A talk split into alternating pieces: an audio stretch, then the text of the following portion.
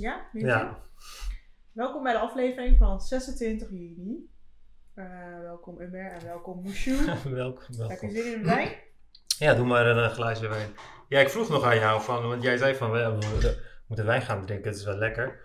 Maar ja, het is één uur. Of ja, het is nu twee uur. Ja, één glaasje. Dus dat, eh, Fransen doen belooft dat ook gewoon, hè? Die lunchen anderhalf uur of zo.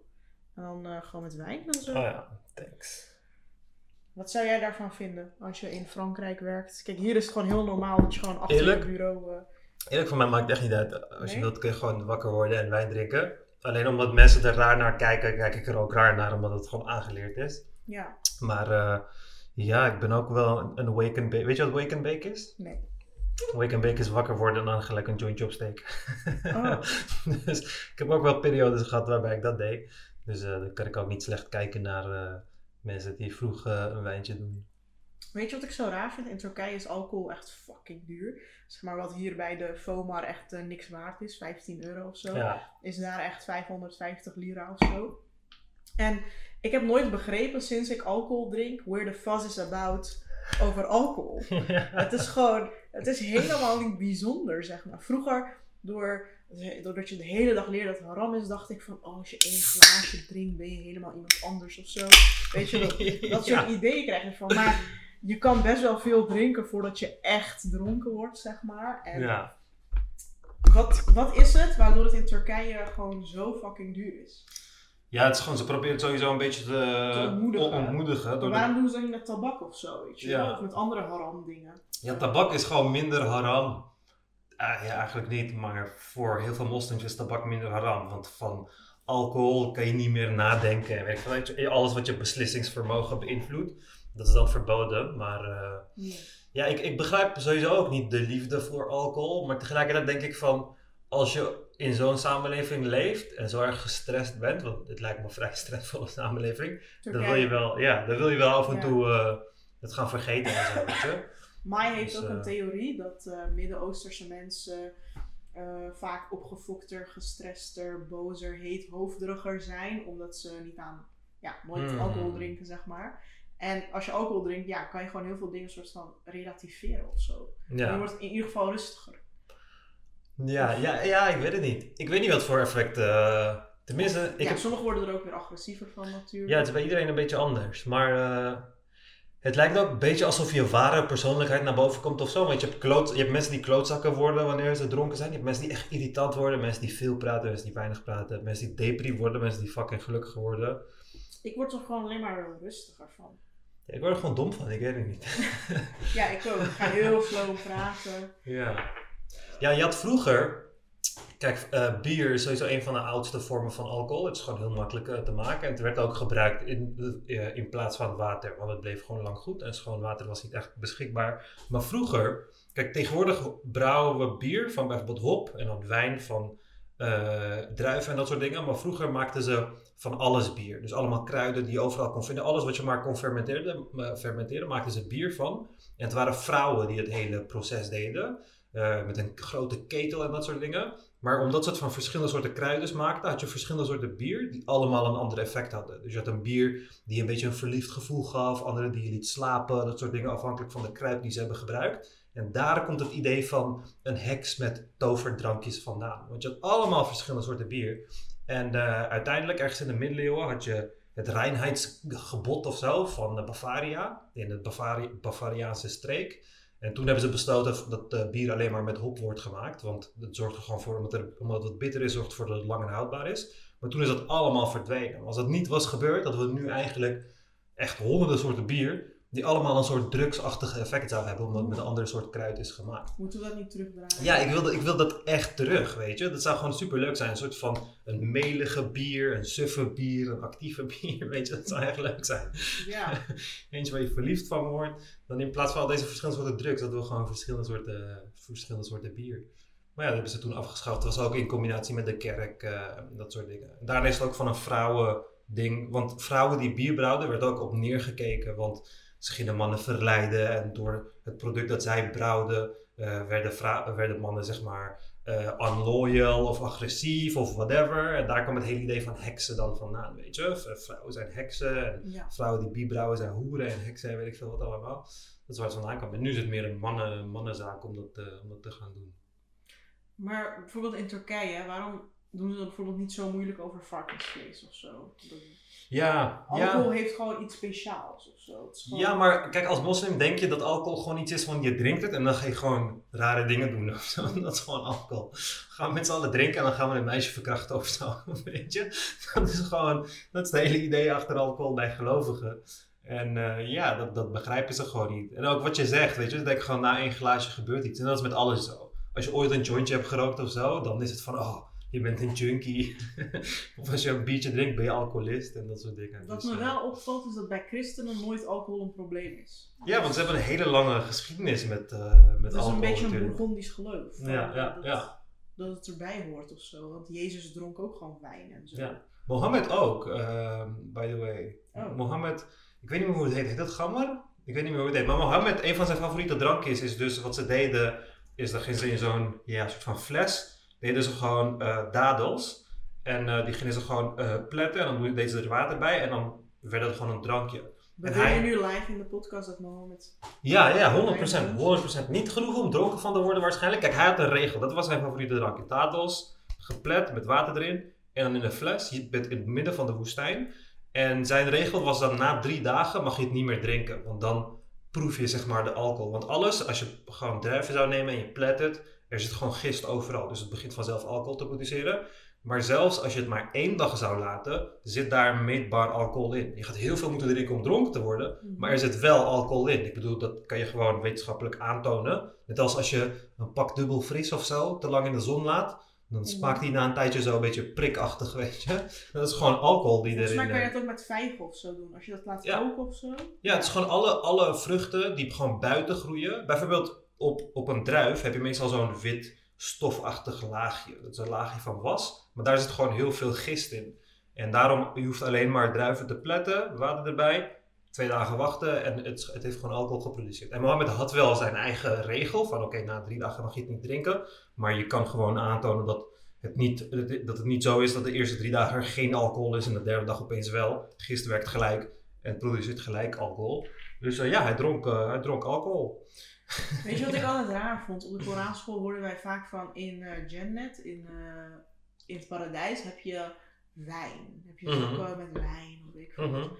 en Dus dan wordt het een soort van opgehemeld. Ja. ja, omdat in die tijd heel veel mensen die in de tijd van Mohammed moslim, ze, waren geen moslim geboren. Dus ze kenden de, de, um, ja, hoe heet het, de effecten van wijn, van alcohol, omdat ze het waarschijnlijk eerder hadden gebruikt of je ziet het in je omgeving. Dus het is iets leuks waar je niet aan mag meedoen. Dus dan wordt het beloofd aan je in het hiernamaals. Net zoals seks voor het mm. huwelijk. Weet je, in hiernamaals heb je ook gewoon allemaal seksslavinnen en dat soort dingen. Dus hetgeen wat daar niet mag, wat in het echte leven niet mag, wordt dan uh, ja, daar beloofd.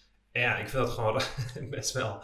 Dus tegenwoordig denkt niemand daaraan van, oh ja, als ik naar hemel ga, kan ik lekker flessen poppen en weet ik veel wat. Maar dat was wel voor heel veel mensen de motivatie destijds. Dat ze dachten van, want in de Koran staat ook van fonteinen waar uh, ongelimiteerd wijn uitstroomt en rivieren van wijn en dat soort dingen. Dus uh, ja. En wat ik me ook vaak afvroeg is, de, die Burger King en Mackie en zo in Turkije, is dat nou echt halal? Ja, ja, dat is wel gewoon halal. Ja, want, allemaal geen varkensvlees? Nee, er zit geen varkensvlees in. niet. Je kunt sowieso in Turkije moeilijk in Turkije geproduceerd varkensvlees vinden, maar McDonald's uh, zij sourcen hun grondstoffen gewoon in het land, van, uh, in, het, in, het, land zelf. En uh, in Turkije, alle vlees die je sourced is, ja, tenminste ze zeggen dat het halal is. Maar het is, op papier is het allemaal halal. Dus ik weet niet of het echt zo is, maar het zal wel. Maar het is in ieder geval geen varken dus. Mm -mm. Nee, maar had jij wel dat, dat dat de eerste keer in je leven was dat je bij McDonald's kon eten wanneer ja.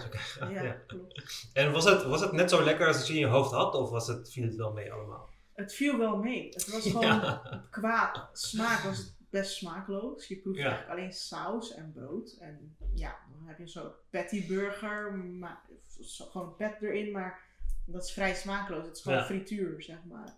Je hebt zo, zogenaamd een visburger, maar het smaakt niet naar vis. Ja, ja, ja. ja. Chicken burger, hetzelfde. Je proeft vooral de sla en de agurk en de saus. Ja, voor mij was het ook een hele grote, ja, Want ik altijd, omdat je niet mag eten, denk ik dat het gewoon fucking lekker gaat zijn. Maar uiteindelijk is het gewoon een niet lekker burgertje. Maar volgens mij is KFC wel echt lekker. Ja, KFC, dat is echt, ik vind het zo fucking lekker. Dat is echt, eh, Van alle fastfoodketens vind ik dat het lekkerst. ja, dat bestelde ik ook vaak in Turkije. Want het was echt voor 3 euro kwamen ze twee burgers en een fles cola naar je Mm. huis brengen.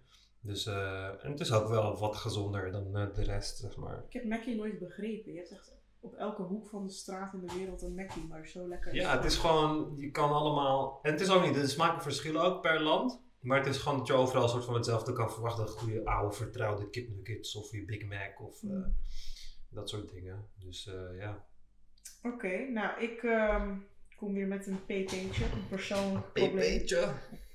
Vorige keer was daar heel goed op gereageerd.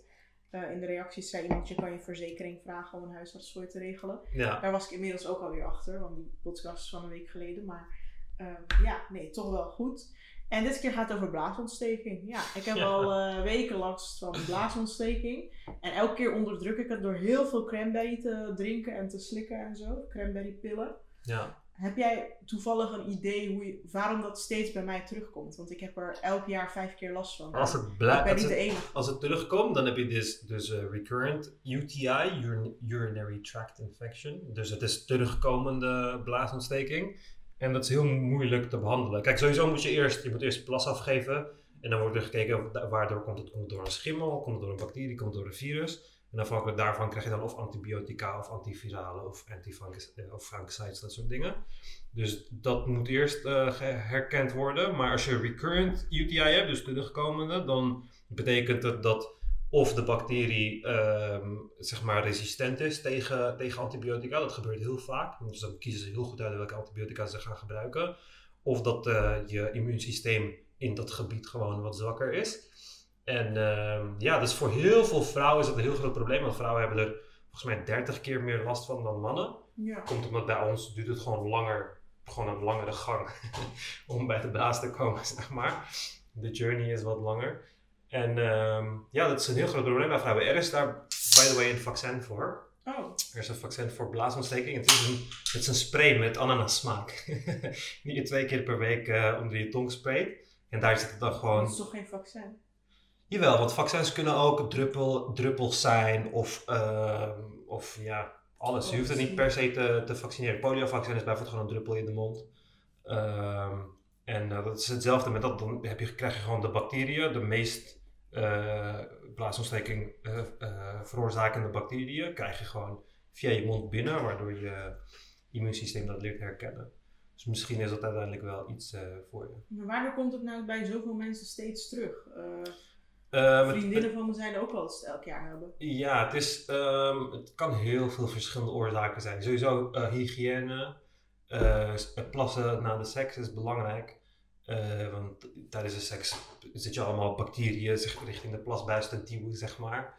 En wat heb je nog meer? Ja, je, de pH van je, van je plas. Dat is ook, want jij zit nu op het keto-dieet, dus je gaat vrij zure eh, plas hebben ook. Mhm. Dus dat kan ook een effect hebben. Ehm, ja, allemaal van dat soort dingen eigenlijk. Maar het is bij iedereen eh, verschillend. Maar je hebt dus heel veel vrouwen. Ik heb één keer in mijn leven blaasontsteking gehad. Maar je hebt heel veel vrou- vrouwen bij wie het eh, ja, steeds terugkomt. En eh, Ja, daarom hebben ze dat vaccin ook ontwikkeld. Mhm. Ja, Ik ga, er, ik ga het uitzoeken hoe dat zit. En dan eh, ja. Ik misschien volgende week eh het ananasspuitje. ja, ik weet nog niet of het helemaal goedgekeurd is. Maar ze zijn er mee, mee bezig in ieder geval. Dus, eh, Moesje is ja. heel stil. Ja, hij is ook wat donkerder geworden. Ja, hè? Want hij was net, zwart. hij was net in de tuin, had hij het een beetje... Hij was net een stuk meer oranje inderdaad. Maar dat eh, betekent dat hij het nu warm heeft. ja, nee, nu heeft hij het wat kouder waarschijnlijk. Oh. Hij is ook afgekoeld. Hij is in de tuin waarschijnlijk afgekoeld net. Maar hij is ook beter, anders gaat hij de hele dag overal naartoe rennen en dan... eh, dus. Dan hoor je zijn nageltjes overal op de op Ja, ik kwam te laat naar de, naar de trein, dus ik moest echt snel lopen. En ik had hem op mijn schouder en hij had het fucking warm, want hij was de hele tijd in de tuin in de zon. Mhm. En hij gaat niet op je schouder blijven als hij het warm heeft, dan wil hij gewoon lopen. Maar ik had geen tijd, dus ik moest echt snel lopen. Dus ik stopte hem in die tas waar ik al die laptop en camera spullen en zo had. En toen dacht ik van, hmm, zou hij druk zijn omdat hij wil poepen? En toen heeft hij in die tas... eh, heeft hij. Eeuw, echt? ja, Oh, maar zijn boek stelt niks voor, dat weet ik nog. Ja. dus je kan toen, het gewoon zo... toen ging dat met dat blaadje, moest ik dat uit, die plastic tas halen. Dat is echt afschuwelijk.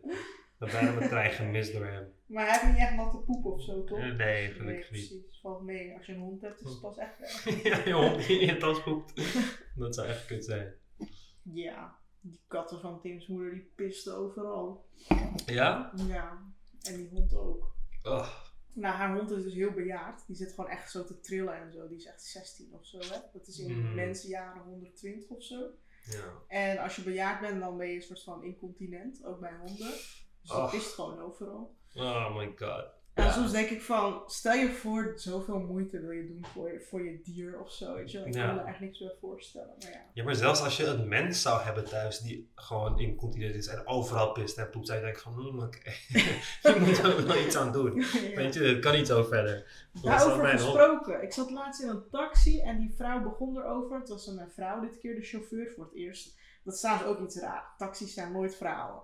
Terwijl Ja. het gewoon, ja, waarom niet eigenlijk? Ja. Maar ehm, zij begon over dat haar moeder een mantelverzorgster nodig heeft, maar dat, het, dat ze er gewoon niet aan komt. En haar moeder die inderdaad eh, is incontinent en weet ik veel wat, maar je komt gewoon niet meer aan thuiszorg blijkbaar. Het is gewoon niet te Mm. vinden. Het is gewoon niet beschikbaar. Niemand wil werken voor dat loon. ja, dat is echt een van de industrieën die ehm, heel veel problemen gaan hebben later. Want eh, ja, je hebt gewoon heel veel oude mensen. En niet Ja, stel jonge voor dat wij oud zijn en dat wij ook niet aan hulp komen. Dus Ja. je bent ja, echt gewoon heel erg afhankelijk van je kinderen. En als je kinderen zeggen van, ja, yo, ik doe dat niet, dan Ja. zit je gewoon met, de, ja, met je poep, zeg maar. Ja, Letterlijk. daarom. Ik denk daar is heel veel ontwikkeling voor om robots een deel van het werk te laten doen ook. Maar eh, het is heel moeilijk. Het is heel moeilijk om een robot te ontwikkelen die dat soort dingen kan. Zoals mensen naar de wc helpen, een kont afvegen en dat soort dingen. Dus Ja. ja, dat gaat een probleem zijn. Daarom, eh, voor mij eh, hoeft dat niet hoor. Maar is dat in landen als Turkije en zo, is dat veel minder een probleem, denk ik? Want- Nee. nee, maar daar heb je toch dat hele. Daar is het helemaal geromantiseerd dat een man dan zijn moeder die verlamd is op zijn rug ergens naartoe draagt. Ja, precies. Dat is het hele Turks idee, weet je? Dat was op Facebook gedeeld. Ja, precies. Dat is gewoon een standaard Turks idee van je moeder op je rug ergens naartoe dragen omdat ze, weet ik veel, naar de dokter moet of zo. Maar in een leven als in Nederland kan je, heb je helemaal geen tijd om je moeder op je rug te Stel je voor dat je met je moeder op je rug naar de bus gaat. Ja, Moet je dan voor twee mensen inchecken? Of? ja, het Ja. Ja, het is heel anders. Maar daarom in al die culturen is het zo. Het is ook heel het is normaal. gewoon dat- automatisch dat je kinderen voor je zorgen. Ja, dat je gewoon in, intrekt bij. Het is heel normaal om gewoon een gezin te hebben waarbij ook een oma. Maar dat gaat ook veranderen. Kijk, mijn moeder heeft bijvoorbeeld alles gedaan voor de moeder van mijn vader. Dus haar schoonmoeder. Het is niet Ja. haar eigen moeder. Even serieus, denk je echt dat de nieuwe generatie dat gaat doen? Ja, ja, Die doen precies. dat niet eens voor hun eigen moeder, weet je Ja. wel. Maar dat, dat was gewoon in de cultuur normaal. Of zo. Je zorgt gewoon als huisvrouw voor ook de moeder van je man, ook je eigen moeder. Je Ja. doet er alles voor. De was, koken, weet ik veel wat. Maar ja, ik weet niet, misschien is dat wel beter. Ja, ik weet het niet. ja, maar da- daarom, sommige mensen, dan word je als vrouw gewoon geforceerd om mantelverzorger te zijn. Ja, En eh, ja, misschien wil je dat helemaal niet. nee. Of als kind word je daar aan geforceerd en ja, dat, dat wil je helemaal niet. Ik zou, dat, dat zou mij echt niet, eh, ik zou daar echt geen zin in hebben. Maar ja, ik, ik heb wel meer dingen waar ik geen zin in heb. Maar toch moet je doen. Zeg maar, als je eenmaal kinderen hebt, kun je ook niet denken, weet je wat, vandaag heb ik echt geen zin om moeder te zijn. Ja, nee, wel. maar ja, mijn ouders hebben het niet echt verdiend om mij als man. En ze willen niet, je wilt mij niet als een mantelverzorger. Ik, ik zorg graag moeilijk, moeilijk voor mezelf. Hoe moet ik voor oude mensen zorgen? Weet je, mij wil je sowieso niet als man, mantelverzorger. Ja, maar hoe kom je aan mensen die dat willen doen? Ja, dat is gewoon Ja, dat is handen lastig. En dat is gewoon, ja, enige oplossing is een soort van migranten. Maar migranten die gaan zichzelf ook opwerken. En die denken op, op een dag ook van, ja, waarom zit ik hier iemand anders je poep te verschonen? Laat Ja. ik wat anders doen, weet je wel. Ja, ja daarom, daarom ben ik ook helemaal voor het idee om ehm, ouderdom als een soort ziekte te zien. Mhm. Eh, Om ouderdom te proberen op te lossen in plaats van de effecten van ouderdom. Want nu, kijk, je lichaam breekt een beetje af en dan ontstaan er allemaal ouderdomsziektes, hè, Alzheimer en eh, allerlei verschillende soorten ziektes. En in plaats van die ziektes te behandelen, hoor je eigenlijk het probleem van ouderdom een beetje op te lossen. Dus euthanasie. Nee, gewoon ouderdom stoppen in het lichaam. Weet je? Want ouderdom is niks anders dan cellen die alleen maar dood aan het blijven gaan. En eh, ja, telomeren die korter worden en kopiefoutjes en mutaties die niet meer hersteld worden, dat soort dingen. En dat zijn allemaal dingen die je zou kunnen fixen, maar oud worden wordt niet gezien als ziekte, terwijl het eigenlijk wel een soort van ziekte is. En als je dat zou oplossen, dan zou je de ouderdomsziektes die ervan afkomen, zou je dan niet hoeven op te lossen. Want nu ben je alleen symptomen aan het bestrijden, terwijl de persoon gewoon langzaam aan het doodgaan is. Dus uh, ja, ik denk, uh, je hoort gewoon gezond te zijn tot je, oud, tot je ouderdom, zeg maar. En op het moment dat je niet uh, meer voor jezelf kan zorgen, dat is gewoon hetzelfde als als je in een fucking coma ligt. Je hoort gewoon niet ehm, te leven, als het ware. Ja. En je hoort gewoon, uh, ja, andere mensen horen ook niet voor jou te zorgen, want weet je, je bent totaal los, als het ware. Dus uh, ja, ik vind dat heel lastig. Ik vind dat lastig. Zitten we nog steeds op te nemen? Ja. Mag je zo. Ik check het af en toe. Ja, ik zie het gewoon. Um, Oké, okay, ja, nee, de vorige podcast uh, die op beeld is gemaakt, de visual podcast, is heel goed ontvangen. Uh, ik kreeg er veel complimenten over. Dit keer zijn we wel wat schuiler gaan zitten in plaats van dat je de hele dag naar mijn uh, linkerhoofd zit te kijken. Ja, er gebeurde ook weinig de hele tijd. Ja, precies. Dus je zit echt de hele tijd naar hetzelfde scherm te kijken. En we willen dus webcams aanschaffen, waardoor je ook van beeld kan switchen, toch? Ja, ook. Dus dat je ook af en toe mijn gezicht ziet van dichtbij en jouw gezicht als jij aan het praten bent en zo. Ja, Eigenlijk... er komen allemaal nog, het wordt allemaal langzaam aan geupgrade, dus het ja, komt allemaal... we beloven al heel lang dingen, maar... Uh... ja, het komt goed. Wat ik me ook afvroeg, waarom... Oh ja, dat wou ik trouwens nog uitleggen. In de vorige podcast had ik hele trillende benen, daar had ik ook een DM over gekregen, maar... Dat is dus omdat ik toen al last had van blaasontsteking. En ja. ik onderdruk het nu door heel veel cranberry pillen te slikken. Ik weet niet of je daar een overdosis aan kunt hebben, maar nee, volgens mij nee, niet, hè? Nee, maar cranberry is eigenlijk... hoe dat werkt. Het, is, het is veel beter in het, in het voorkomen dan het behandelen, zeg maar. Mm -hmm. dus als jij jij onderdrukt het wel. Als ik van die pillen slik, heb ik er geen last van. Ja. En dan na een paar uur is het eruit gewerkt en dan heb ik weer fucking veel pijn en dan ga ik weer die pillen slikken. Ja, maar daarom, ik zou het soort van incorporeren in je normale dieet. Dat je gewoon elke dag uh, minimaal een glaasje cranberry sap drinkt. Of die pillen gewoon, ik weet niet hoeveel die pillen kosten. Niet of het dagelijks echt, slikken uh, is. 2 euro bij de kruidvat. Ja, dus ik zou het gewoon dagelijks slikken. Want het is, ook, het is veel beter in het voorkomen van UTI's dan in het behandelen van ja. UTI's. Ga ik doen. En uh, ja, het pokkenvirus, daar heb je 200 gevallen van nu. Apenpokken. Apenpokken, ja. In Amsterdam alleen al. Ja, het is heel gek. Het is ook... Uh, Die Ab Oosterhuis zei bij op één dat het een pandemie aan het worden is en zo. Ja, het is ook officieel, het is officieel als een pandemie gekenmerkt door het WHO. Moeten we daar bang voor zijn? Maar het, het, het, het komt toch voornamelijk voor bij uh, anale seks of zo? Of? Nee, het is gewoon, het wordt, voor, het wordt doorgegeven door lichaamsappen, zeg maar, laten we het zo noemen. Dus bloed op bloed en uh, sperma in je kontje en allemaal dat soort dingen. Dus het zegt tijdens, uh, je moet echt close contact hebben. Dus het zal het meest overgedragen worden bij, tijdens de seks. En daarom zie ik het niet echt een hele grote pandemie worden. Um, alleen, uh, ja, we, het, is, het, zal nooit zo besmettelijk zijn als corona en ook nooit zoveel doden veroorzaken. Maar het gaat wel een probleem zijn. Het kan dus alleen via seks en via bloed. Ja, of ja, knuffelen kan ook als iemand echt letterlijk in je mond spuugt bijna. dus echt uh, dat soort dingen. Maar het zijn gewoon dingen die met normale hygiëne, waar wij tegenwoordig gewoon normaal aan doen. Zeg maar handen wassen en dat soort dingen. Daar, daar, uh, dat, dat houdt het al vrij tegen. Dus als je een hygiënische samenleving bent, dan komt het al een stuk beter dan wanneer je in Afrika zit of zo. En geen toegang hebt tot schoon water en dat soort dingen.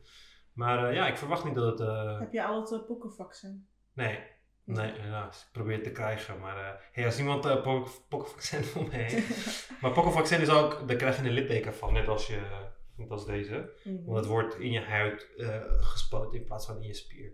Dus het is zo'n naald met zo'n zo vorknaald, zeg maar. En daarmee wordt het in je huid wordt er een druppel aangebracht. Oh. En dan krijg je ook zo'n gaatje, zo'n litteken omdat die pokken, al die huidcellen daar aan het aanvallen is. Sommigen hebben dat litteken niet, ik heb hem ook. Ja, maar wij, omdat wij allochtonen zijn in wijze. Waarom?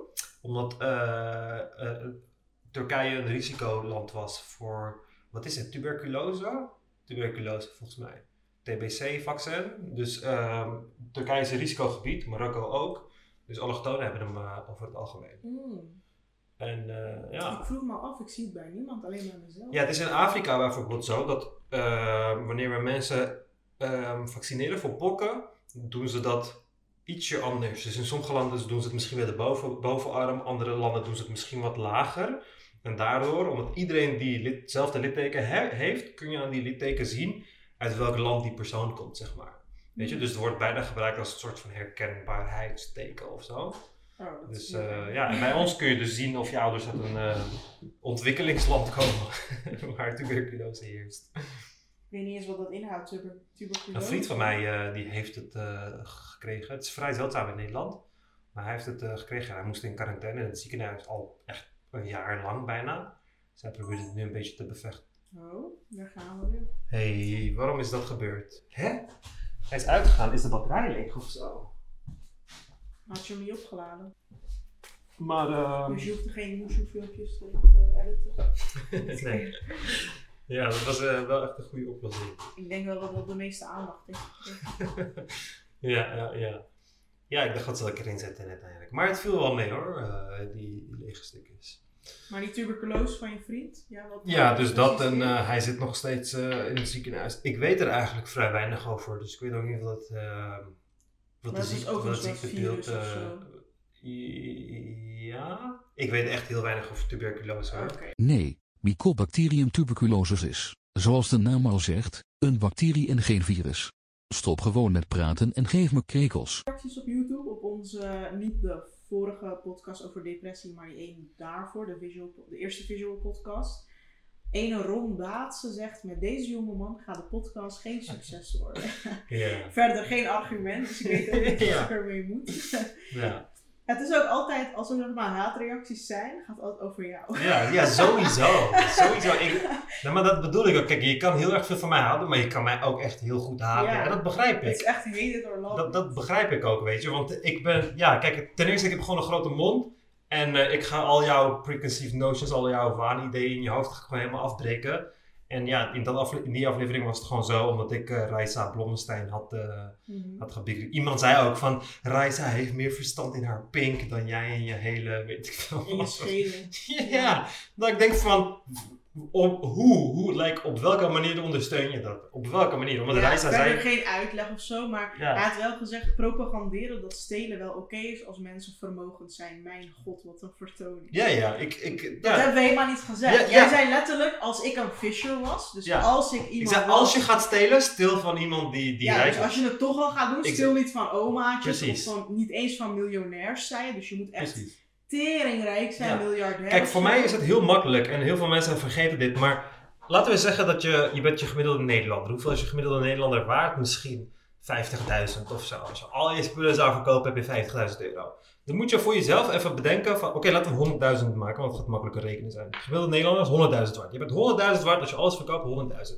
Dan moet je even denken aan welk bedrag, eh, als dat van jouw bankrekening gewoon zou verdwijnen, of het lag hier op tafel, zou je niet erg vinden. Dus als hier een euro lag bijvoorbeeld, en ik stop dat in mijn zak, het is jouw euro, maar ik stop het in mijn zak. Zou je het zien als diefstal? Zijn aangifte doen? Eigenlijk niet. Dat is 1 euro op 100.000. Op een miljoen, als je dezelfde ratio wilt, dan is dat 1000 euro op een miljoen. Op, Ja. een, op een miljard Is dat een miljoen? is dat miljoen. Ja, dus een miljoen stelen van een miljard bedrijf is hetzelfde als het stelen van 1 euro van een normaal persoon. Weet je, en mensen begrijpen niet hoe gigantisch veel geld een miljard of een triljoen is. Apple is meerdere triljoenen waard. Als al jij een vrachtwagen vol met iPhones stelen, dat voelen ze niet. Dat voelen ze gewoon niet, want dat verkopen ze in een seconde elders, weet je. Dus ik, ik zeg dat alleen maar om duidelijk te maken dat de hoeveelheid schade die je doet, dat is veel groter bij kleinere partijen, bij individuele mensen en gewoon de normale man als het ware. En zelfs miljonairs gelden dan als de normale man. Mhm. Want miljardairs, die zijn duizend, duizend miljonairs, is één miljardair. Weet je? Dat is gewoon, dus dat is een, een miljoen miljonairs. Dat is een triljoenenbedrijf. Dat is gewoon een miljoen, miljoen miljonairs. Dus mensen begrijpen die schaal niet heel erg goed. En dan is het van, oh, hij zegt, je moet, je moet rijk, de stelen van de rijken. Nee, als je, als je wilt stelen, Ja. Stil van de Rijken. En dit is iets wat we ook weten, want we genieten allemaal van films waarbij ze geld eh, om bank overvallen. Zoals die Of, Lupin in, op eh, Ja, Netflix. Ja, ja, precies. We genieten allemaal van dat soort films. Zolang het geld maar komt van iemand die fucking rijk is, gewoon miljardair, zo'n bank, een grote financiële instelling, een triljoenenbedrijf, dan vinden we dat helemaal prima. Dat is gewoon zo. Ja. Weet je? Dus daarbij probeer ik niet allemaal dingen te propaganderen. Maar deze persoon is gewoon een beetje boos omdat ik Reisa belachelijk heb gemaakt. Dus nu is Reisa de slimste persoon. Wij zijn echt een fanbase hoor. Ja, maar het zijn allemaal domme mensen. Het zijn zulke domme mensen, man. Jezus, als ik geen zelfrespect zou hebben, had ik nu ook een leger van allemaal leeghoofden die ik zou laten denken dat ze fucking slim zijn. Het is echt niet zo moeilijk. Die mensen willen dat gewoon in hun leven, weet je. Over domme mensen gesproken. Heel veel filosofen hebben gezegd, het grote deel van het grootste deel van de mensheid is dom. Daarom gaat democratie niet werken. Mhm. Want dan doe je gewoon wil van het volk en het volk is dom. Ja, Dus heel veel filosofen hebben gezegd, laten we filosofen regeren. Dat heeft volgens mij Plato een keer gezegd. laat alsjeblieft de filosofen niet regeren. Die zijn allemaal depressief, joh. ja, filosofen. Eh, je hebt ehm, technocraten die zeggen van de wetenschap moet nege- eh, regeren. Alleen dan vraag ik me af welke wetenschap, weet je wel. Ja. Dus dat is een beetje eh, wetenschap, dat is een beetje vaag, abstract begrip.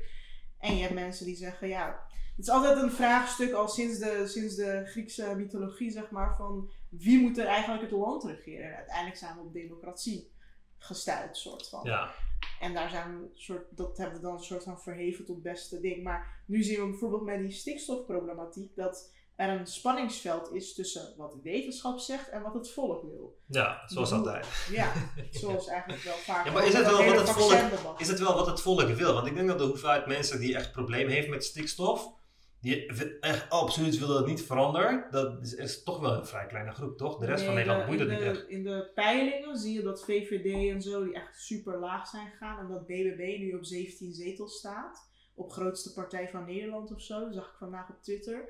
Die Caroline dus, van de Boerenburgerbeweging. Wat? Ja, echt. Via de peilingen. Maar dat is dus allemaal vanwege die onteigening van de boeren. En Als de BBB de grootste partij van Nederland wordt, Ja. dan ga ik echt emigreren. dan ga ik gewoon permanent emigreren. Want, hè, maar hoe? ja maar, Maar er zijn, maar er zijn niet zoveel boeren, toch? Of wel? er zijn heel veel boeren sowieso, maar er zijn ook heel veel voorstanders van boeren. Heel veel mensen denken van... eh, Oh, dit is, dit is gewoon natuurlijk allemaal al die andere steden met al die tokkies die denken van ja, maar straks hebben we geen eten meer. Straks Ja. al die boeren weg en we maar eten zeggen die boeren zelf ook bij één. Van eh, straks is er weer een pandemie. En nou, dan, eh, ja, of we gaan voedselboycott doen. stel je voor, nee, even serieus. Ik heb daar wel eens over nagedacht. Ze doen nu nog met tractoren op weg. Maar stel je voor, volgende week gaan ze een boycott doen. Stel je voor dat heel Nederland een week lang geen eieren, geen kaas. Nee, we hebben allemaal voorraden voor dat soort dingen. Oké, allemaal voorraden. Het Voorraad is toch omkeer. Ja, maar kijk, uiteindelijk, uiteindelijk zal een, een deel van de boeren zou daar aan meedoen en een deel van de boeren zou dan wel hun product verkopen, maar dan voor een veel hogere prijs, omdat er gewoon schaarste is. Nou, het kan echt Ik zijn denk- dat ze de rangen sluiten hoor. Ik denk dat, ja, maar ik denk dat je zo'n grote overvloed hebt aan, we hebben echt veel voedsel in Nederland. Mhm. Ik denk dat het echt, de kans is echt heel klein dat we zonder voedsel gaan zitten. Ik zie dat niet, echt niet heel snel gebeuren. Niet per se zonder voedsel, maar wel zonder eieren, kaas, melk, boterham. Dus de Mm. dingen die van de boeren komen, zeg maar. Ja, ik weet het niet. Ik denk als ze dat doen, dan eh, mogen ze voor mij ook allemaal echt oprotten uit het land. Want dat is gewoon je, je bevolking eh, gijzelen als het ware. Het is gewoon een terroristische daad. Dus, nee, nou, Ik nou vind ja, dat gewoon een nee, terroristische het is gewoon daad. een soort vorm van staking. Want Nee, dat is, nee, maar als je gaat staken, dan zorg er dan voor dat. Weet je, ga zelf in hongerstaking. Maar waarom forceer je de hele bevolking om in ja, hongerstaking nee, te dat gaan? zeggen we toch ook niet over de bagagedragers en de. Ja, maar dat is een veel kleiner effect. Dat is, je kan niet op vakantie, maar je hebt geen eten. Dat is gewoon, ja, next level. Maar ik denk niet dat ze die macht hebben hoor. Dat, dat, ja, zo, zo- zoveel boeren krijg je sowieso niet. eh. want uiteindelijk wil Campina en weet ik wel, al die bedrijven willen uiteindelijk gewoon geld verdienen. En, ehm, want die verdienen ook het meeste geld eraan, want de boer krijgt uiteindelijk niet... Ja, eh, maar als ze onteigend worden, verdienen ze nooit meer geld. Dus dan. ja, maar ik begrijp het ook niet. Ze gaan niet verdwijnen. Ik bedoel, een groep ervan gaat nog steeds De helft gaat gaat verdwijnen. nog steeds. Ja, maar ik bedoel ook van. Je gaat niet. Het is niet van ze gaan al je geld afpakken en je op straat gooien. Je bent nog steeds miljonair, grap. Je hebt gewoon Ja, fucking veel land. Ja, maar je krijgt gewoon tonnen, misschien zelfs miljoenen. Weet je, en dan ben je van, oh ja, nee, dit en dat. Het is Ze hebben gewoon. er geen vertrouwen in, denk ik, dat ze dat krijgen. Ja, ik vind het gewoon echt zo. Ik ze vind- willen überhaupt gewoon niet wat anders doen. Of... Nee, maar het zijn gewoon kinderen. Het zijn kinderen die hun eigen zin. Het zijn laagopgeleide fucking tokkie kinderen. Die hun, ja, sorry hoor, ik ga nu echt veel mensen beledigen. Die gewoon hun zin niet krijgen. En die willen gewoon hun fucking zin. Dus dan gaan ze als fucking kinderen op een snelweg met hun fucking tractors. Waar ze super gaal van worden. Want dat is gewoon het enige wat ze een beetje opwinding geeft. En de, hun wil fucking zitten op ijs als een stel fucking terroristen. Nee, maar kijk, als wij eh, boeren waren en we hadden land en het ging kapot goed met ons en we verdienen Ja. eh, veel geld en eh, onze kinderen hebben we let bijvoorbeeld stel je hebt kinderen je hebt ze niet naar school gestuurd met in je achterhoofd ze gaan toch al boer worden en mijn land overnemen Dan ben je dom. Dan ben je echt dom. Als het 2022 is en je denkt van, oh, ik heb vijf kinderen en ze gaan alle vijf boer worden. Ja, dan, dan heb je gewoon... als jij een heel goed landgoed hebt, heel, eh, Ja, maar je hebt gewoon foute keuzes gemaakt dan, denk ik. Want iedereen zou kunnen voorspellen dat het geen mooie toekomst gaat zijn. de overheid pakt letterlijk jouw toekomst af en die van je kinderen. Ja, maar ze pakken het niet af. Ze geven je er geld voor. Er is letterlijk, kijk, zoveel mensen hun baan verdwijnt gewoon. Door technologische vooruitgang of wetgeving veranderen Ik weet mensen niet hun hoeveel baan. geld je ervoor krijgt hoor. Waarschijnlijk krijg je een deel voor Je hebt- of zo, maar, Ja, maar je hebt het een wordt stuk... nooit zoveel geld als wat je als winst maakt. Ja, maar je hebt meer geld dan de meeste Nederlanders. Je hebt letterlijk een stuk land, iets wat een privilege is in Nederland, wat gewoon fucking veel geld waard is. En mensen hun banen verdwijnen constant. En geen van die mensen wordt uitgekocht. Als jouw baan opeens verdwijnt door bezuinigingen of eh, nieuwe wetgeving of door technologische vooruitgang. Die wordt nooit uitgekocht. Deze mensen krijgen geld. Krijgen fucking geld. Je bent al miljonair. Je krijgt nog fucking geld bij. En dan ga je nog steeds zeuren. En dan is het van, oh ja, en dan gaan we, allemaal dreigementen ook. Hè? Allemaal fucking dreigementen. Als deze mensen moslims waren geweest, why yo, wat is het nu allemaal al eh, neergemaaid. Maar Omdat het fucking boeren zijn en ze hebben grote auto's en dat is eng, wordt er gewoon niks aan gedaan. Weet je wat ik ook raar vind? Er was dus één boer, die ging helemaal emotioneel worden en een soort van huilen, maar ook heel erg boos zijn. En die zei van, het is oorlog en eh, ik ga er alles op alles op zetten dat dit niet gebeurt en weet ik veel wat. En diegene mocht bij op één zitten dezelfde avond. Dus ze nemen niet een boer die soort van genuanceerd zijn standpunten Ja. zegt, maar ze nemen de meest extreme boer en dan gaan ze die bij op één zetten en dan zegt hij letterlijk dezelfde dingen. Hij, hij zegt ook allemaal zinnen die helemaal tegenstrijdig zijn. Dus dan zegt hij van nee, met geweld mag je nooit dreigen, maar als iemand aan mij komt, aan mijn werk, dan kom ik ook aan. Wat zeg je dan, alsjeblieft? dus ik vond het allemaal heel tegenstrijdig. Ja, Zo van, als iemand begint, dan heb ik ook het recht om terug te wat te doen of zo. ja, zoiets. ja, ja. En daardoor rechtvaardigt hij op live televisie op NPO 1 een soort van zijn bedreiging aan het adres van die minister, Christiane van der Wal, dacht ik. En dan denk ik van, en we zitten gewoon met z'n allen, allen te kijken, weet je wel. En dan zie je die Fidan Ekers zo, ja, ja, weet je wel. Zitten ze allemaal te knikken. En ik dacht van, hij uit gewoon een bedreiging, weet je Ja. wel. Ja, maar ik vind het gewoon niet hele slimme mensen. Ik vind ook niet mensen die echt... En dat komt van mij, hè? Boeren, dit komt van mij. Ik vind ook mensen die niet echt hun emoties onder controle hebben. zeg maar. Nee, maar weet je wat ook hun beklag is? Kijk, over de grens in België en in Duitsland is de stikstofnorm blijkbaar honderd keer zo hoog of zo. Mhm.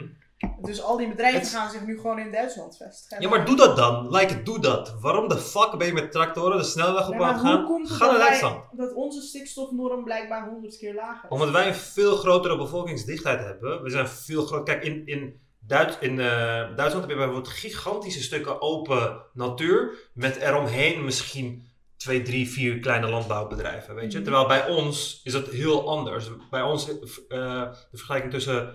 De, de ratio tussen eh, landbouwgrond en natuurgebied is bij ons gewoon veel groter. Dus ja, daar heb je, daar heb je gewoon de- veel minder last van. En dat is al per land verschil. In Noorwegen kun je veel meer uitstoten zonder probleem, want je hebt gewoon weinig industrie en heel veel natuurgebied. Maar bij ons is dat niet zo.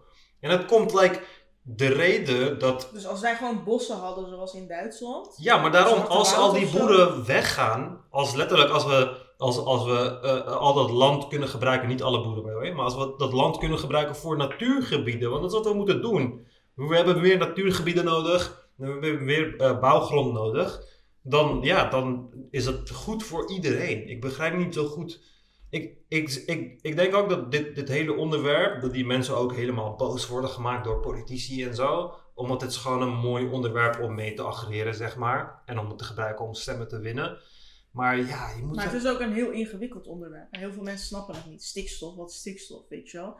Wij snappen het al heel moeilijk. Nou, ja, je zit gewoon... Je hebt gewoon afvoer van poep. Dat is gewoon, Je hebt gewoon afvoer van schadelijke stoffen en poep. En dat komt gewoon in je natuur terecht. Ik bedoel, het is niet normaal. Het is gewoon nergens normaal dat jij al, die, al het vlees aan het produceren bent. Het allemaal exporteert. En dan, weet je hoeveel poep dat is? Het is gewoon fucking veel poep. En dat gaat gewoon in jouw grondwater. Mhm. Weet je, het zorgt ervoor dat normale dingen, die, eh, normale stoffen die eigenlijk natuurlijk horen te zijn, enorm eh, stijgen in ons grondwater. Waardoor je veel beter moet filteren en dat soort dingen. En je hele natuurgebieden veranderen ook. Want je maakt van eh veengrond, maak je opeens gewoon hele bemeste grond waar dan hele andere planten op gaan groeien. Die niet eens aanwezig zijn in Nederland. Dus je fokt gewoon met de natuur. Maar los van dat hele idee is, gewoon, is het gewoon belangrijk om te realiseren dat wij al die tijd hebben lopen slapen.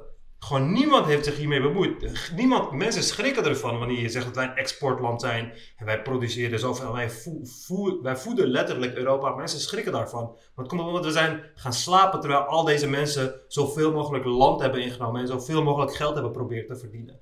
En als, iemand, als je iemand langdurig dat soort privileges geeft, dat soort rechten geeft, is het heel moeilijk om af te nemen. Maar al deze mensen hebben veel meer financiële mogelijkheden dan ons gehad. En veel meer privileges dan ons gehad. En nu moeten ze een beetje inleveren en nu gaan ze zeuren. Maar hoe de fuck zeur je als je fucking miljonair bent? Je hebt grond. Je hebt fucking grond in fucking Nederland. En wij stadsmensen die 1000 euro per maand betalen voor een fucking studio van 30 euro per maand. Wij moeten op de blaren zitten en niet jullie. Want jullie moeten Weet je, nou, rijk blijven en ik ja. Ik had dat dus ook in de column geschreven dat de meeste boeren volgens CBS miljonair zijn. Dus heb ik zoveel mailtjes gekregen met dat het onzin is. Dat ik echt een typische stadsmeisje ben die heb je ooit, Heb je ooit in je gewoon dit is een vraag voor iedereen. Heb je ooit in je leven een stuk landbouwgrond gezien met het bijbehorende huisje waarbij het huisje er krakkemikkig uitzag?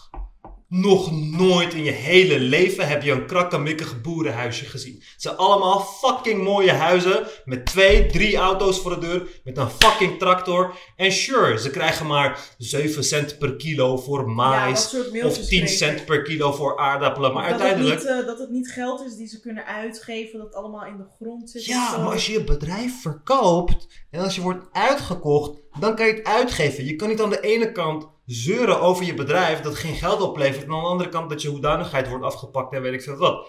Als het kut is, dan stop ermee. Als het niet kut is, geef dan toe dat je gewoon een fucking goed leven hebt. Want deze mensen begrijpen het alternatief niet. Ze begrijpen niet hoe het is om een 9 tot 5 te hebben, waarbij je gewoon naar een fucking andere stad rijdt in een fucking file om een kantoorbaantje te hebben, zodat je je kut appartementje van 1500 euro in de maand kan betalen. Dat begrijpen ze niet. Dus dan voelen ze, net als hoe wij niet begrijpen dat warm water ja, privilege is. zijn sowieso hele simpele mensen. Ze kennen niet een ander concept dan boer zijn. Hun ouders en hun grootouders waren ook boer. Ze weten niet anders dan dat ze een groot landhuis hebben en, en grond en weet ik veel wat. Ja, maar daarom. Ze zijn te privileged en wij moeten dan buigen voor hun. Maar zij moeten buigen. Zij staan veel hoger dan ons op alle vlakken. Bro, ik heb niet eens een auto. Je hebt een fucking trekker van een ton, man. Je hebt een trekker van een ton. Je, je trekker is meer waard dan een fucking Tesla. En je zeurt gewoon. Je zeurt gewoon nog steeds. Je bent rijker dan het grootste deel van Nederland. En je zeurt nog steeds. Dat is gewoon fucking raar. Dat is gewoon echt zo, eh, eh, eh, zo privileged. En dat zien ze niet eens in. Weet je, je staat aan de top van fucking Nederland. Je hebt land. Je hebt fucking land in een van de rijkste landen in de fucking wereld. En je ziet dat niet eens in. Je bent nog steeds van, oh nee, ik wil, ik, wil het niet. Ik wil maar niet goed, stel, ze, ze blijven zo. Ze gaan gewoon niet toegeven. Ze gaan blijven staken. Want we hebben laatst gezien, Miranda moest naar mij komen, mijn manager. En ik kon gewoon niet komen omdat de snelwegen geblokkeerd waren. Dus onze afspraak kon gewoon niet doorgaan en zo. En stel je voor dat ze dat nog dagenlang gaan doen. Stel je voor dat ze nog verder gaan dan dat. En, uh, Leger inzetten, allemaal uh, meenemen, vriend. Oh, je bent met je tractor op de snelweg in beslag genomen. In beslag dat, genomen. Dat kan dus niet. De politie heeft niks gedaan. En daar waren heel veel mensen boos over. Omdat ze bij Extinction Rebellion en zo wel doen. Maar ja, dan denk ik, het is gewoon logisch nadenken. Je kan een trekker niet stoppen met een politieauto. Nee, maar ik begrijp dat niet. Hoe kan dat niet? Hoe kun je een trekker... Dat kan gewoon niet. Nee, maar... Dat zijn hele hoge, grote auto's. Ja, maar, ja, maar oké, kijk. Ik rij met mijn politieauto voor de stoet, ja? Mhm. En ik stop mijn auto. Ik versper de weg. Dan heb ik ze toch gestopt? Ja. Misschien wat gevaarlijk is. Ja, oké. Als je zou zeggen van ja, maar een tractor kan over een politieauto over. Oké, laat ze dat doen. En zodra ze dat doen, dan neem je ze fucking mee. Ik bedoel, als het. Stel dat het moslims waren. Mhm. Stel dat het moslims waren die met hun auto's de snelweg hadden geblokkeerd. Net als zo, bij zo'n trouwstoet en weet ik veel. People lose their fucking minds. Van ja, je moet ze uit de auto trekken en weet ik veel. Dit is hetzelfde grap. Je bent letterlijk gewoon asociaal gedrag aan het vertonen. Je bent, mensen gewoon respect hebben voor boeren, denk ik. En niet per se voor wat heb je respect? Ik denk dat mensen echt denken dat boeren een of andere een man met een... Ze zien het als een, traditionele... er is niks uh, traditioneel. Het is allemaal technologie. Het is letterlijk normaal. Uh, uh, op zo'n groot stuk land werkten er honderden mensen. Honderden mensen werden betaald om op dat land te werken. Het is nu letterlijk alleen de boer. Het is de boer en al zijn fucking machientjes en zijn mooie technologie. En hij krijgt al het geld. En tuurlijk, hij, uiteindelijk krijgen, krijgen de bedrijven het meeste geld. Maar die guy verdient nog steeds meer dan je, je gemiddelde Nederlander. Mhm. Vele malen meer. En hij employt helemaal niemand. Hij zorgt helemaal niet voor extra banen. Hij zorgt helemaal niet voor eh, eh, eh, een groeiende economie en dat soort dingen. Het is gewoon een guy, één persoon met heel veel land, die dan gewoon ja, zijn dingetje doet. Het heeft helemaal niks meer te ma- maken met het oude boer, dat die achter de koeien de, de, de, het veld gaat ploegen of weet ik veel wat. Het bestaat allemaal niet meer. Het is gewoon een guy in een auto van een ton, die gewoon eh, lekker geld aan het Ja. verdienen is. Ze zeggen ook vaak op tv, ja, wat als er weer een pandemie komt, dan eh, hebben jullie eh, onze boeren weer nodig. En Ja, maar er is, er is 0% veranderd in de export van Nederlandse vlees en groenten tijdens de pandemie. ja, ik snap ook nooit dat argument eigenlijk. Maar ze bedoelen meer van, stel er is een pandemie en de schappen zijn weer leeg of zo. Maar waar hebben we schaar? We hebben aan niks wat in Nederland geproduceerd was, schaarste Ja, gehad. we hebben één week geen wc-papier gehad. Ja, maar dat wordt niet in Nederland geproduceerd dus. Weet je? Aan, vle- aan dingen die in Nederland zijn geproduceerd, eh, melk, vlees, eieren, nooit hebben we daar eh, eh, tekort aan, aan gehad. Gewoon nog nooit. Mhm. Melk wel een tijdje, maar dat had meer met prijs te maken en dat soort Ja, dingen. bijvoorbeeld nu met Oekraïne. Kijk, stel die oorlog duurt veel langer. Nou, graan wordt duurder, weet ik veel wat. En ze hebben zoiets van, eh, stel dat er, eh, weet ik veel. Je bent gewoon afhankelijk van het buitenland, zeg maar. En als je je eigen boeren hebt, dan ben je gewoon Ik minder... denk dat we, zelfs als we de helft van de boeren weghalen, gaan we nooit afhankelijk zijn van, ja, precies. van het, het, een het, export. Maar het is gewoon mensen vergeten dat heel veel mensen, echt enorm veel mensen en bedrijven, gaan super veel geld mis, eh, misraken door deze beslissing. En die mensen zetten nu gewoon alles op alles om ervoor te zorgen dat het niet doorgaat. Hmm. Maar het gaat gewoon door, jongens. Het gaat gewoon door. En niemand gaat verhongeren, want je leeft in het rijkste land in de fucking wereld. Niemand gaat ver- verhongeren. Schappen gaan gewoon lekker vol blijven. Weet je, al die doemscenario's van ja, als, de, als de boeren weggaan, gaan we allemaal verhongeren. Dat is allemaal bullshit. Het is allemaal Ja. propaganda wat wordt gebruikt. En het ik ben werkt heel erg benieuwd wat dit eh, gaat uh, teweeg brengen. Eh, er is ook een kans dat het kabinet gewoon valt. Dat is wel een beetje een kleine kans, maar het kan. Want VVD, CDA en zo, die verliezen nu fucking veel zetels in de peilingen. Omdat ze allemaal pro-stikstofbeleid zijn en anti-boeren, zeg maar. En de meeste mensen blijken juist pro-boeren te zijn, omdat ze het allemaal heel ingewikkeld vinden misschien. Ik weet Ja. het niet. Eh, Het is, gewoon, het is gewoon een heel simpel van regering versus de kleine, simpele boer. Wilders en BBB zitten nu heel erg in de lift in de peilingen. Dus ik ben benieuwd wat dit... Ja, ik eh, denk dat het gewoon een, zelfs, ik denk dat het gewoon een tijdelijk iets gaat zijn. En wanneer dit voorbij is, dan zakken ze weer. eh, Weet je, dit soort partijen die, die dit soort evenementen gebruiken om, heel, om, eh, om zieltjes te winnen, houdt het nooit lang vol. Want eh, je kan het nooit lang hetzelfde blijven doen. Ik bedoel, twee jaar later is iedereen een stikstofproblematiek vergeten. Ja. Ja.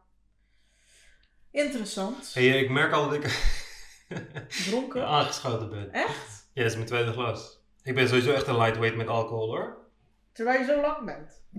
Ja, maar ik drink bijna nooit alcohol. Oh. Nou, dan moet je zo stoppen. Oh. Oké, ja. Ik had in een andere podcast gehoord waarom geven we plofkippen en dieren die in stallen zitten niet gewoon drugs, waardoor ze minder lijden. Ja. Toen zei jij dat dat een slecht idee was. Oh ja, en er is vloeibare MDMA in, eh, in omloop. Ja, vloeibare MDMA is gewoon Molly water. Dat is gewoon MDMA oplossen in, in water. Dan heb je gewoon een fles water waar iedereen van drinkt. Of in andere drinken. Ehm, waar gewoon MDMA in is verwerkt. En ehm, ja, het is wel chill. Alleen het is heel moeilijk. Is niks nieuws. Nee, het is niks nieuws. Het is alleen heel moeilijk te doseren. Waardoor de kans groter is dat je eh ja, overdoost als het ware. En sowieso met MDMA en ecstasy moet je gewoon heel veel water drinken. Want je raakt een beetje uit, uitgedroogd. Dus eh, je zou kunnen merken dat het geen... Je zou kunnen denken dat het geen water is en een hele fles achterover kunnen slaan.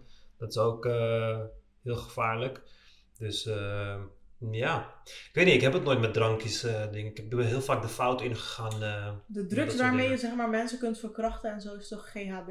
Ja, GHB. Ja. Ja, In met- Spanje en zo komen ze ook altijd mij drankjes aanbieden. En dan vergeet ik altijd dat er misschien GHB... Ja, eh, GHB proef je wel. Maakte vroeger GHB, ging ik het verkopen aan zo'n... Oh ja, ik moet dat eigenlijk niet maar dat is dus een soort van... Waarom gebruiken ze eigenlijk GHB en bijvoorbeeld niet vloeibare MDMA of ecstasy of zo in een drank? Ja, eigenlijk... MDMA zou... Ik weet niet. MDMA zou handiger zijn. Niet om iemand te verkrachten, maar om seks te hebben met iemand. Want MDMA zorgt er gewoon voor dat je heel vrolijk wordt en liefdevol. En je wilt die direct knuffelen en kussen en dat soort dingen. Dus en dat waar zorgt makkelijker. GHB voor? Maar GHB, dat, eh, GHB verhoogt GABA in het, in het hoofd. Dat is hetzelfde wat alcohol verhoogt. Maar het, zorgt er ook voor dat je heel erg down wordt. Dus alles gaat, alles gaat vrij langzaam. En ehm, het is gewoon heel makkelijk om mensen te overmeesteren. Op dat, als jij helemaal... Dus het is echt letterlijk verkrachten. Niet. ja, dat, dat is echt puur voor verkrachten. Want als ik jou GHB voer, dan kan ik jou heel makkelijk naar mijn huis meenemen. Dat, terwijl jij gewoon meeloopt, Maar je weet leeft wel nog soort van. Maar je hebt Ja, je bent wakker, je kunt lopen en allemaal dat soort dingen. Maar het is veel makkelijker om zo iemand te, te leiden en te beïnvloeden ergens naartoe, zeg maar. Dus eh, ja. Ja. ja. Ik heb één keer gehad dat ik, eh, ik slaapte bij een vriend thuis op Rembrandtplein. Ik, was net, ik werd net wakker. Ik deed de koelkast open en er lag zo'n glazen fles vol eh, water, weet je. En als ik drink, ik drink echt heel snel en heel veel tegelijk. Dus ik begin die fles open te draaien. Ik denk gewoon volswater, le- lekker. Ik zet de wijn wel weg. Ik begin gewoon meerdere slokken te nemen. Ik neem slok, ik neem slok. En ik merk gewoon dat het gewoon vodka is. Dat ze Mhm. gewoon die hele fles water gevuld hebben met vodka. En ik gewoon net vroeg in de ochtend, 10 uur of zo, had ik letterlijk 5, 6 slokken vodka genomen. Mhm. Omdat ik het achterover had Vijf, zes slokken valt mee, toch? Ja, pure vodka, sorry. Dat was eh, zo vroeg in de ochtend, wil je dat echt niet hebben. Het was echt fucking heftig. Maar ik heb eh, dat soort fouten vaak gemaakt met drankjes, eh, waarvan ik denk van, weet je wat, ik drink als ik het, zodra ik het in mijn mond neem, drink ik gewoon heel snel.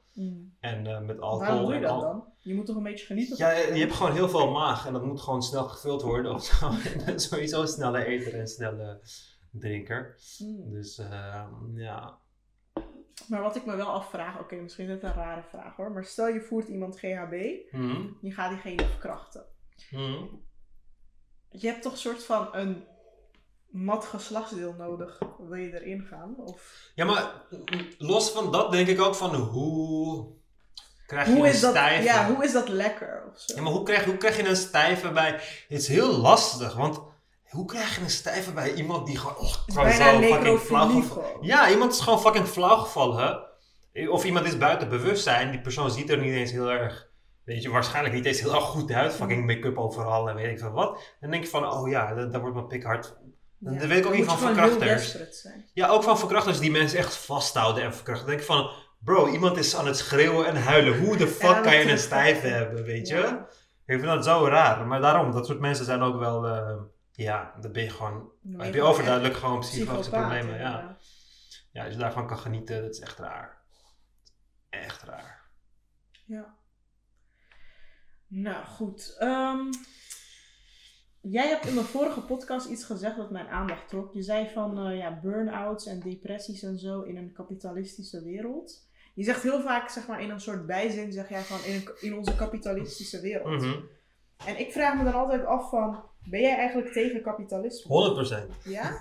ja. En waar ben je dan wel voor en waarmee Ik weet het niet. Ik weet het niet. Kijk, ik ben niet, ik ben niet expliciet tegen kapitalisme. Ik ben wel, ik ben wel tegen het feit dat ehm, ehm, winst eh, gemaximaliseerd moet worden. Kijk, sowieso moet je geld verdienen, maar dat moet niet de, dat moet niet de, belangrijkste eh, reden zijn voor je bedrijfsvoering, zeg maar. Want het gaat altijd ten koste van heel veel dingen.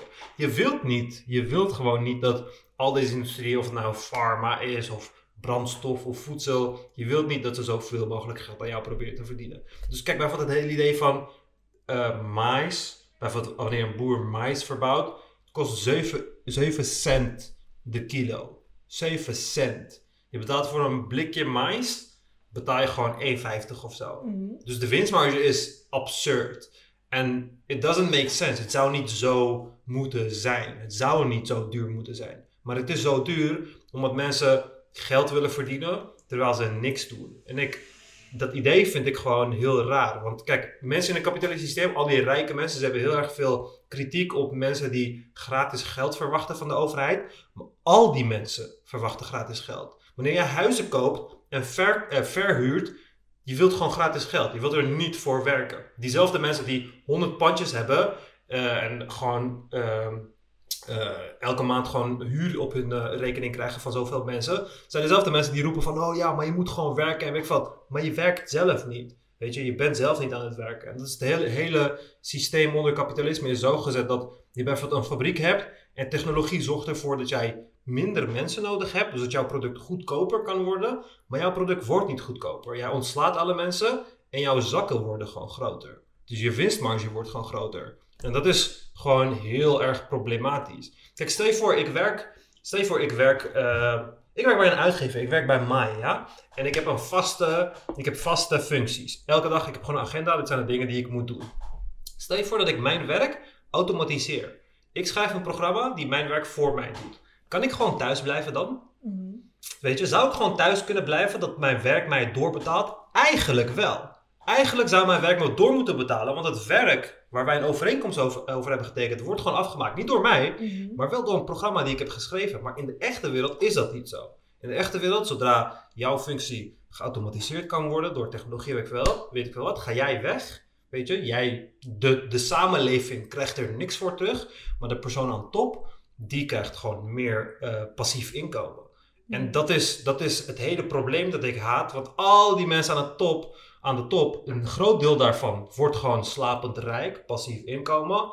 En ja, als je echt gelooft dat je eh, alleen door hard werken rijk kan worden, dan horen al die mensen hard te werken, maar dat doen ze niet. Weet je, het hele idee is gewoon arme mensen laten betalen voor jouw shit, zodat jij gewoon een passief inkomen kan hebben. En dat gaat onder een kapitalistisch systeem gaat het gewoon altijd, altijd door. En dat ga je in alle- heeft dat juist voordelen, geloof ik. Mensen die pro op korte termijn wel. Kijk, ik kan je bijvoorbeeld een voorbeeld geven. We hebben altijd de tv-industrie gehad. Had je altijd films. Vroeger keken we films op tv, ja. En mensen probeerden steeds meer geld te verdienen. Dus je kreeg steeds meer reclames en meer reclames en meer reclames. En het verpest het. Want je moet, je moet elk jaar meer verdienen. Als jij twee, drie jaar hetzelfde verdient, dan, dan ben je aan het falen volgens ons huidige economisch systeem. Je moet blijven groeien.